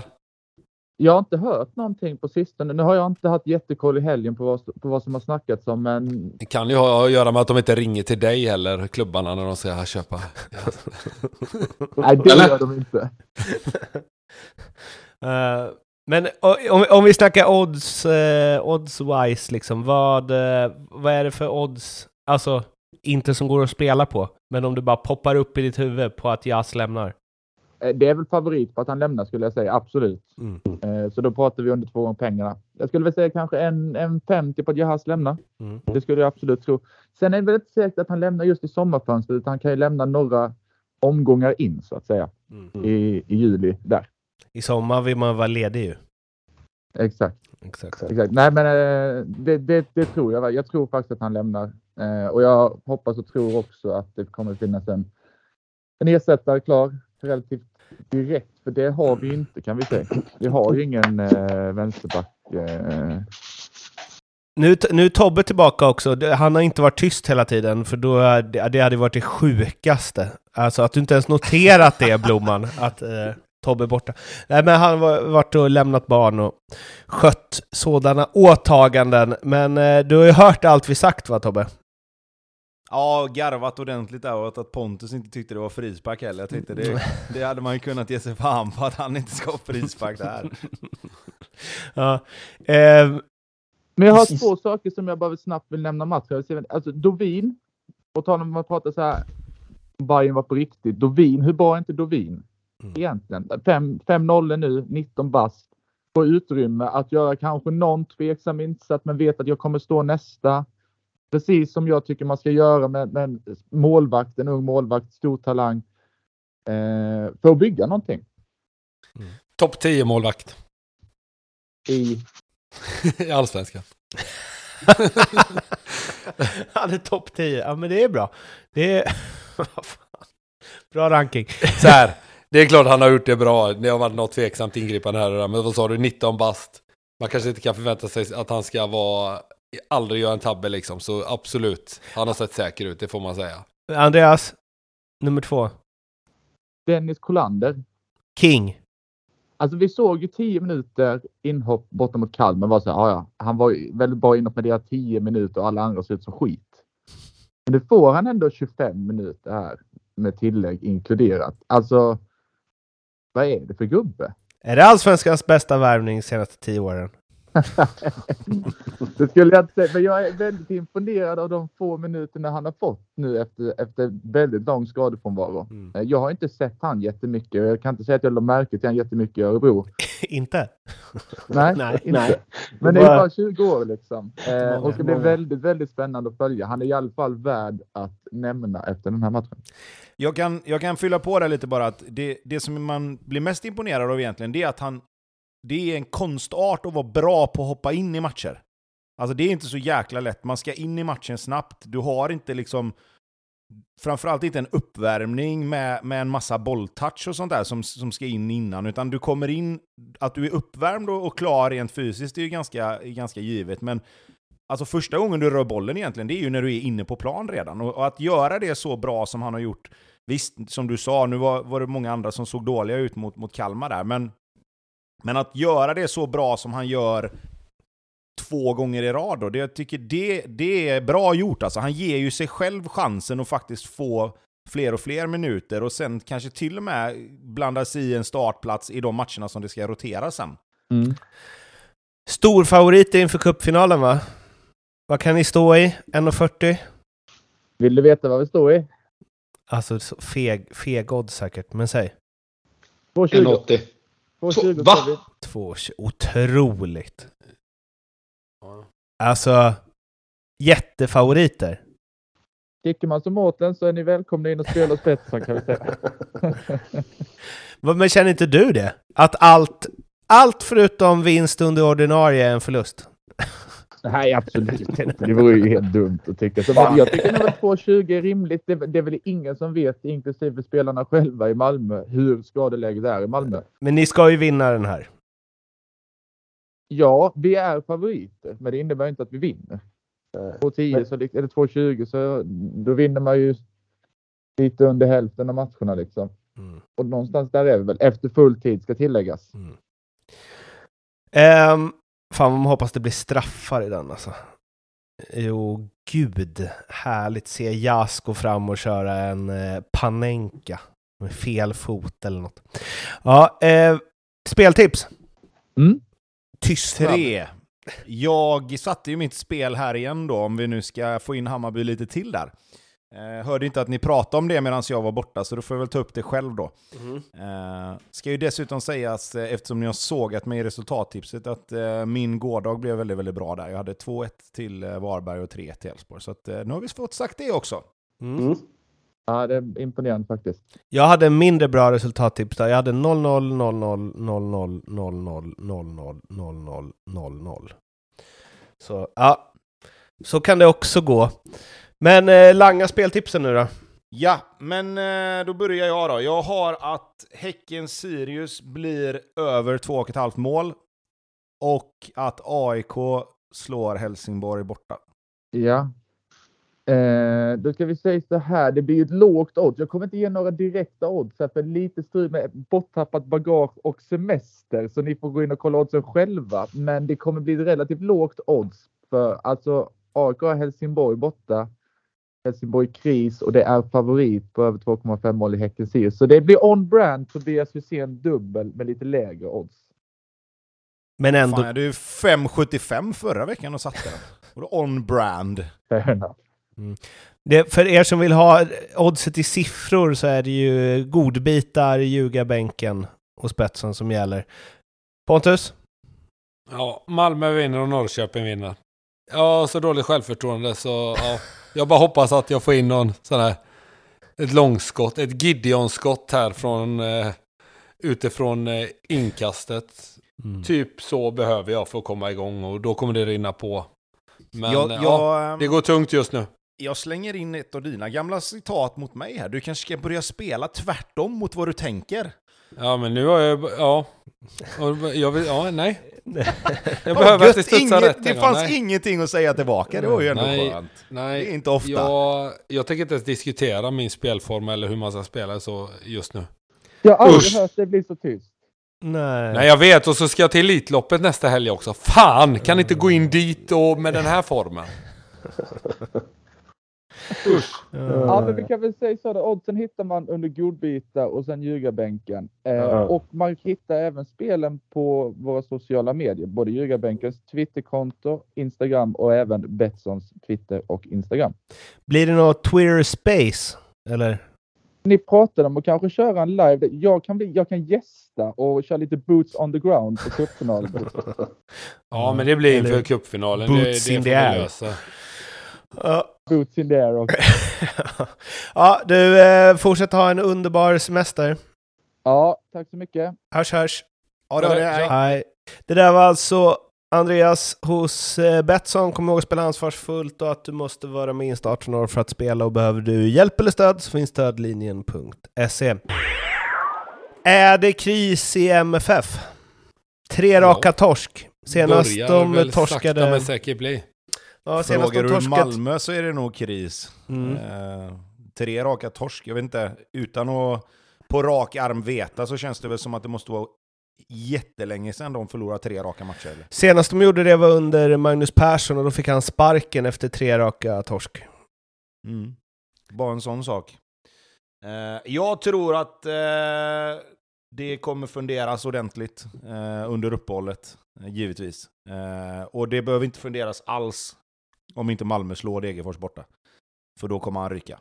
Nästan 100% skulle jag säga. Eh, kryss eller förlust där så då finns det liksom ingen återvändo. För nu snackar vi liksom... Är det någon match du ska vinna eh, för att liksom rädda dig själv eh, så, så är det ju en sån match. Den är ju... Alltså det, det finns ju inte på kartan att Malmö, oavsett vad för lag de kastar ut, förlorar en sån match. Eller ens tappar poäng. För då är det, då är det goodbye liksom. Eh, sen säger inte jag att han får vara kvar oavsett, men, men den matchen blir ju väldigt... blir tydligt om de inte vinner den. Det är Diego Campos som dräper bort MFFs tränare. Ja, men jag var inne på det lite förra veckan det här med, med just med Milos. Och för mig, jag får lite vatten på min kvarn här känns som. Eh, i mina ögon så är det en hittepå-coach. Han har snackats upp. Jag tycker inte han har bevisat alls så mycket för att vara tränare för Sveriges i särklass starkaste trupp. Får man väl ändå kalla den. Och starkaste lag över de senaste åren. Och, jag tycker att de borde verkligen sätta sig ner här nu i uppehållet och se hur de vill gå vidare här. Sen är det klart att de måste ha en ersättare i sådana fall som är bättre än, än det som finns idag. Och det är väl det som de har haft lite svårt med att attrahera en riktigt, riktigt vass tränare. Som är, alltså nu snackar vi, nu går de ändå på en tränare som får sparken utav Hammarby för att han är ute och flörtar med Rosenborg. Det kändes inte om brand för Malmö får jag väl ändå säga till, till att starta med. Och jag tycker inte att de har sett så bra ut som man kan förvänta sig av Malmö. Visst, de har gjort i punktinsatser där det har varit riktigt bra. Men eh, ja, överlag så har de väl ändå underkänt så här långt. Det får vi väl ändå säga eller? Det får man väl absolut säga. Eh, jag kan tycka att Malmö med den ekonomiska styrkan de har borde kunna gå ut och ta tränare på en lite högre hylla, precis som de gör med spelare. Eh, att det borde kunna finnas en ganska stor, alltså, vad ska, vad ska man kalla det? Alltså att, att träna Malmö med tanke på att de ska eh, ut och kvala i Europa varje år. Eh, det, det, borde finnas tränare ute i, i Europa som är i större ligor men som kanske har lite mindre lag, eh, som inte får den liksom, chansen, som borde kunna tycka att det skulle vara intressant att ta Malmö. Eh, så jag tycker att lite grann Malmö behöver lite upp på samma hylla på tränare som de har haft på spelare. Jag tyckte Tomasson var ett intressant val, men även där var det ju lite oprövat. Sen visade det sig att det blev väldigt bra, får man väl ändå säga. Eh, han lämnade ju för att ta en, en större klubb. Eh, men jag vet fasiken, jag kan tycka att det skulle vara intressant och lite uppfriskande att se Malmö kliva dit och, och ta en tränare som som verkligen kommer från en högre hylla och verkligen markerar att nu, nu går vi för det här på riktigt. Liksom. Nu lägger vi samma pengar på en tränare som vi lägger på en, på en, som kan lägga på en spelare. Ja, att ge sig på Hammarbys sloppy leftovers tycker inte jag att man ska göra om man är i Malmö när man går in i en säsong som den här.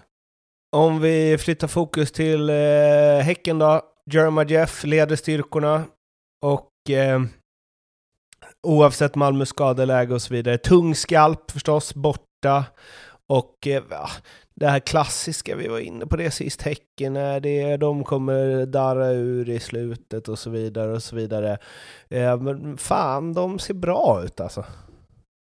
Ja, för mig har Häcken alltid, eller Häcken, har hela hissingen alltid varit ett ställe där man inte bor, utan dit åker folk och jobbar och sen åker man hem till rätt sida av stan. Eh, I mitt fall Kungälv då. Eh, men eh, ja, jag får väl ändra mig här nu då och krypa till korset för jag tycker att Häcken ser riktigt jävla bra ut alltså.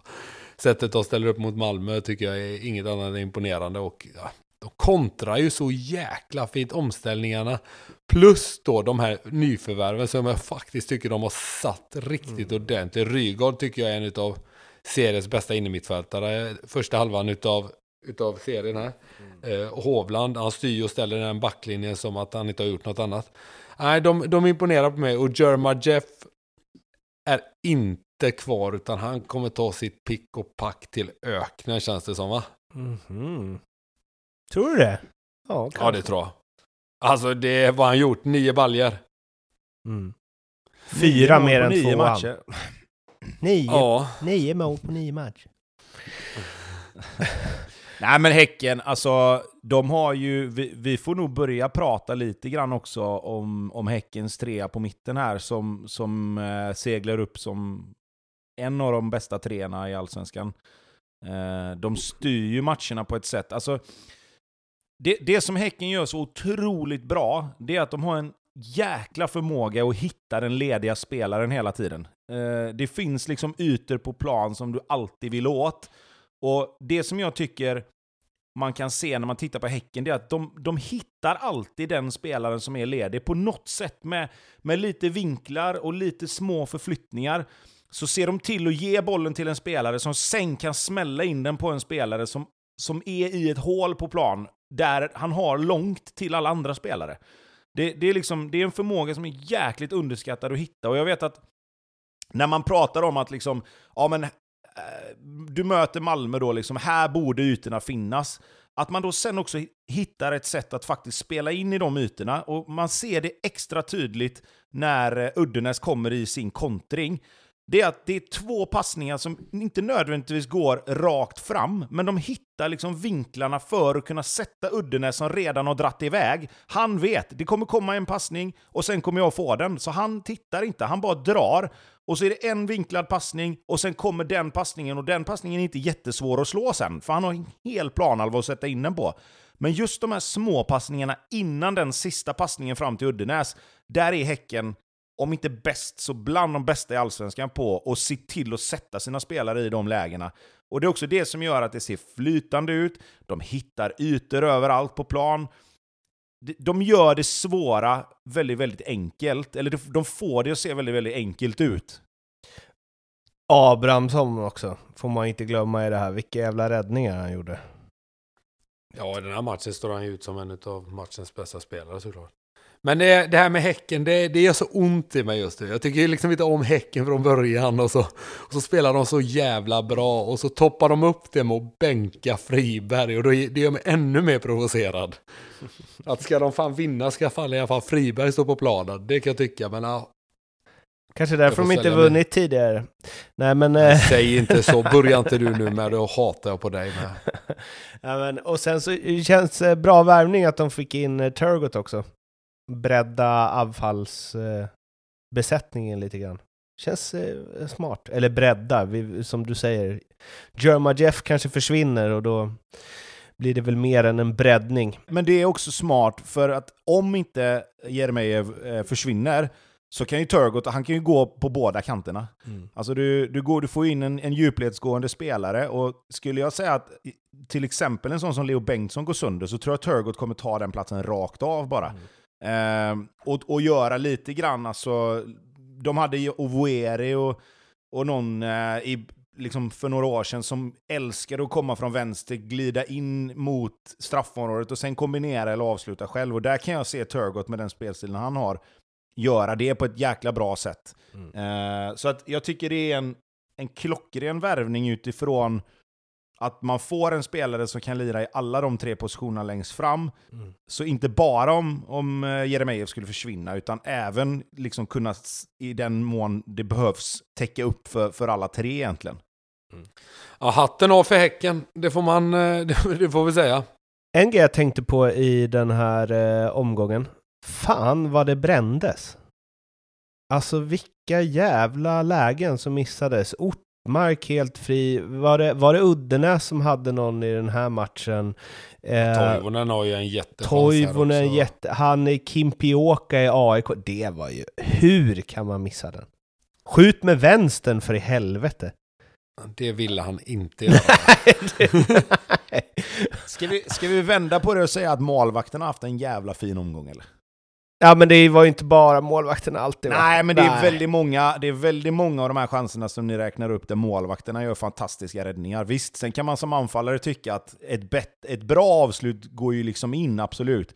Men målvakterna står ju på huvudet många gånger. Alltså... Fy fan vad du försvarar alltså, anfallares dåliga prestationer. Vad var det du försvarade här om sistens när du bara ah, “det är svårt att skjuta i det mm. läget” som var typ en halv meter från mållinjen ja, på lite absolut. Men, men, jag kan tycka så här att det, det är givetvis, som alltid när det gäller mig, så är det klart det är en kombination av båda. Mm men, men jag tycker ofta att man väljer också att gå på att det är dåliga prestationer som gör att vissa saker händer. Det kan ju också vara tvärtom. Alltså det kan ju vara att målvakterna här gör sjuka räddningar alltså. Kimpiokas miss.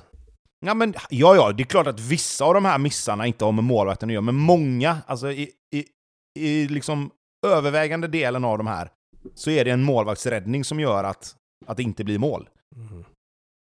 Är det en räddning om, man, om de skjuter mitt på målvakten? Är frågan. Nej då. Men... Äh, jag... För då räddar ju aldrig en hockeymålvakt någonting. Alltså, men jag, det jag tyckte... så här, få den i plocken, kasta upp näven. Ja. Men jag tänkte ja. bara så många gånger när jag kollade på alla highlights, bara hur, varför, hur kan de missa de här lägena? Alltså det var liksom, eh, sånt som det är ett per omgång annars, var det kanske fem av den här omgången. Mm. Och Kimpio, skjut med vänster, alltså Tobbe, kan du inte bara ge dig på och försöka försvara den missen? i alla fall? Nej, nej, alltså visst, återigen, vissa av lägena Ja. absolut jättedåligt Men det är svårt att skjuta med fel fot. Det kan det vara, men inte just i det läget Nej. kanske. Inte när man är inne i målet. Nej, lite så. Lite så. Exakt. Ja, Till och med jag har gjort mål med vänster. Ja, frågan är om ditt skydd hade låtit dig komma i den vinkeln med benet bara. Ja, Eh. prata inte om det. det alla väntat på. Elfsborg-Blåvitt. Ja, jag lämnar... Ordet är Alla fritt. utom vi möjligtvis. Ordet är fritt. Ah, nej, det finns väl inte så mycket att säga egentligen. Att Elfsborg var mycket ingenting. bättre än vad Blåvitt var. Nej men, nej, men det är väl lite som... eh, Man upprepar sig. Jag tycker att Elfsborg var mycket bättre än vad Blåvitt var. De ville eh, spela med... Jag tror Stare var inne på det i någon intervju där. Att han, de spelar med en helt annan intensitet. Deras spelare springer mycket mera. De har övertal på mitten. Ja. Jag tyckte det kändes som att när Marcus Berg gör 1-1, vilket han givetvis gör helt fantastiskt, eh, så kändes det som att okej, det där var de inte alls värda. Och så får de ju det här jobbiga 2-1 innan halvlek och sen 3-1 direkt efter. Och då, är det godnatt. Men rättvist resultat. Jag tycker att eh, Elfsborg spelar riktigt bra fotboll i den här matchen. Eh, jag tycker väl att eh, Elfsborg behövde en sån här match. För de har ju inlett lite halvknackigt ändå. Lite som Tobbe var inne på förra veckan. Och eh, ja, här spände de verkligen musklerna och visade att de är ett bättre lag än vad Blåvitt är för dagen. det, det jag vill fylla på med här, det är ju att det som jag lite grann, och det, det tycker jag är återkommande lite grann tyvärr, det är att lagen som är, alltså att Elfsborg är bättre än Blåvitt, det behöver vi inte prata så mycket om, för det, det såg de som kollade på matchen. Men det som kan störa mig lite grann, det är att även om Elfsborg är bättre än Blåvitt, så gör inte Elfsborg mål på sina liksom klara målchanser. Utan det, det är liksom, det är såna jävla skitmål som, som släpps in hela tiden. Och där är det ju liksom ingen slump längre att det blir så. Det är så extremt underliga situationer. Och, och, och liksom första målet, kommer ett inspel, bollen droppar ner, Elfsborg är där. Fläkmål, frickmål, kalla det vad du vill. Men, men det är ett sånt mål, sådana mål får man emot sig när man inte riktigt är där man ska Men vara. vadå? Ett in... Jag tyckte det var ett bra... Han såg en lucka, vem var det? Boateng va? Och bara dundrar in bollen hårt Jo, men och lågt. absolut. Jo, jo, Alltså- men absolut. Men hur många gånger ser du en sån, ett sånt inspel? Gå fram. Ta på en fot, gå Nej, till hörna, ta absolut. på en fot, åka ut ur straffområdet. Mm. Men, men Blåvitt, och, och det är så, när man är nere i skiten och lite grann har det jobbigt, så släpper man in sådana mål. Andra målet, Johan Larsson kliver in, får gå in i, i, i liksom 15 meter in från sin kant, skjuter med vänstern, ja det tror fan att den tar på ett ben och går in. Istället för att ta på ett ben och studsa tillbaka, går åt ett annat håll.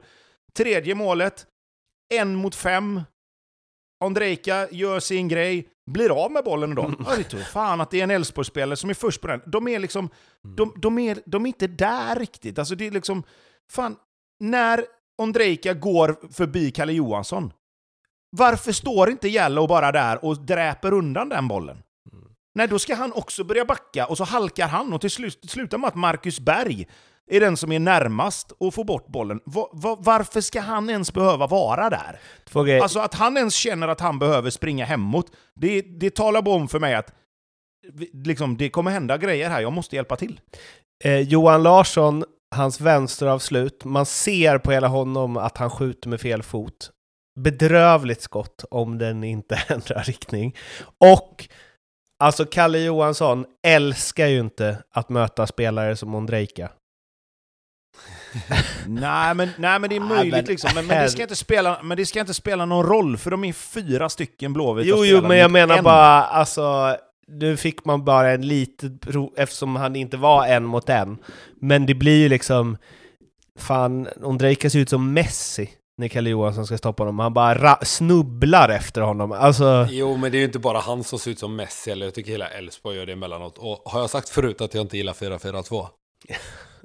ja, bra. För så här, de är ju numerärt undertal för fan varenda del av planen känns det som. Förutom då eh, i anfallsbesättningen. Och den spelar de ju bort den pressen rätt så snabbt Elfsborg hela tiden. Blåvitt är en man mindre på mitten och även om Gurra, som jag tycker har varit grym, så kanske han är en och en halv spelare, då är de ändå en halv spelare kort på mitten. Och jag tycker att Elfsborg utnyttjade hela matchen. De, de, de tickar bort dem hela, hela, hela tiden. Och sen är jag med så här frågande också till, man, man spelar 4-4-2. Det innebär, det blir ett sånt jävla tryck på dina forwards att de måste vara grymma. Jag vet att AIK spelar 4-4-2 också. Men så här, Marcus Berg, en av seriens bästa anfallare. Wilhelmsson, att han spelar bredvid Marcus Berg, visst, man ska sälja honom och, och ge han chansen och allt det där, men jag tycker att han bidrar alldeles för lite i, i uppbyggnadsspelet och sådär, alltså när Blåvitt har bollen. Det, ja, Tobbe, du vill, du vill säga något? Du får gärna fylla på här nu, för vi kan väl breda ut oss här lite. För jag tycker att det är ett av de största problemen just nu. Det är att man spelar med en man kort eh, i laget nästan, skulle jag vilja säga. Visst, det är en supertalang och allt det där, men jag tycker inte han ser redo ut. Ja, ska gå in här nu, och som du har gjort någon gång, att man får ändra sig lite. Så som det ser ut, precis som du säger, jag kan tycka att 4-4-2 kan funka, precis som du säger, om du har två forwards som kan hjälpas åt, få fast bollen, och att de kan hjälpa varandra till att skapa målchanser åt andra hållet. Men tyvärr så är Oskar Willemsson inte där överhuvudtaget just nu. Och då får du heller inte ut det som du vill av att ha två forwards. Så jag ska ställa mig på din sida här nu. I nuläget så tycker inte jag att Blåvitt ska spela 4-4-2, för de har inte två forwards som är tillräckligt bra just nu. Då är det bättre, precis som du säger, säkra då upp en annan del av planen, för du får inte ut det övertaget du vill av att spela med två forwards längre. Spela Marcus Berg som ensam forward, få lite mer speed runt honom, och dessutom en spelare till på mitten som dels kan hjälpa till i försvarsspelet och dels kan få in en spelare till som kan bidra med en uppspelspunkt lite längre ner i plan så man kommer fram till de här sista chanserna. Så att jag ställer mig på din sida här nu. Jag har sagt att man ska spela två när Oskar Willemsson har dratt iväg i djupled, när han har fått isär eh, försvaret för att ge Marcus Berg och till viss del då innan Tobias Sana lite mer plats. Nu, nu funkar inte det längre. Han bidrar inte med det han ska göra. Alltså skrota 4-4-2 och lite grann mer gå mot det som du har förespråkat hela tiden. Så att just nu så är jag på din sida. Stare kändes eh, ganska pressad i intervjun efteråt va? Det var ju Kim Bergstrand-feeling. Eh, det var liksom att han skulle, hur länge han trodde han skulle vara tränare. Ja, jag har väl 22 år kvar och det var liksom eh, grinigt eh, värre. Pressad va? Ja, det är klart han är det med tanke på hur de senaste matcherna har ja, resultaten dels, men också hur det har sett ut. Men eh, lite som vi var inne på med Helsingborg idag, fast inte riktigt så illa. Eh, vad är förväntningarna? Jag förväntade mig inte att IFK skulle vara med och slåss om något guld eller om de ädlaste medaljerna överhuvudtaget. Däremot har man förväntat sig att Blåvitt i och med sin start mot rätt svaga motstånd ska vara där uppe. Jo, då kommer man bli besviken. Så jag tycker att man som, som supporter eller som tyckare då får lite vad, vad var mina förväntningar på Blåvitt? Visst, jag hade inte förväntat mig att de hade gått 5-6 raka utan, utan vinst. Men tabelläget 11, ja, det är väl lite sämre än vad jag hade förväntat mig innan. Men eh, ja, det är väl någonstans där eller lite över de, de kommer hamna till slut. Alltså nu måste, ja. jag, nu måste jag bara testa en grej. Nu kanske det är att spelare har blivit sämre och är mer namn än kvalitet eh, nu. Men både Göteborg, alltså mycket mer i Göteborgs fall än i HFs eh, fall förstås, eftersom Göteborg är en bättre spelartrupp. Men vi sitter och hyllar Kalmar för att de spelar väldigt bra fotboll med spelare som om man plockar en och en därifrån och slänger ut dem i andra allsvenska lag så går de ju inte in i jättemånga andra lag som ligger på samma mm, liksom plats som Kalmar ligger i, i tabellen kanske. Eh, men att både Lennartsson och Stare, alltså det är ju så här dåtidens tränare, höll jag på att säga. Men det är ju en annan fotboll. Det är ju väldigt långt från liksom de tränarna som kommer upp nu. Och att det kanske faktiskt är en fotboll som gör spelarna sämre. Nej, men jag tänker sno eh, ett resonemang som jag hörde från Tutu Balutto faktiskt. Jag tror det var Gusten som sa det, just det här med 4-4-2 då om vi ska komma tillbaka dit. Men det är hur många i Blåvitts lag har spelat 4-4-2 ungdomen? Det är ett, läggs ett oerhört tryck på arbetskapacitet, eh, alltså att man ska spela åt båda hållen. Sebastian Larsson är väl en utmärkt eh, eh exempel på hur den perfekta 4-4-2-spelaren är, att du kan göra allt nästan. Eh, jag ser ingen i Blåvitts trupp som gör det. Gustav Svensson och Marcus Berg. Oskar Wendt, ja, mycket 4-3-3 utomlands och sådär. Han var bara Blåvitt en kort sejour. Han är väl mer en, en, en 4-2-3-1-gubbe eller 4-3-3-gubbe eller ja, vad som helst. 3-5-2, inte vet jag.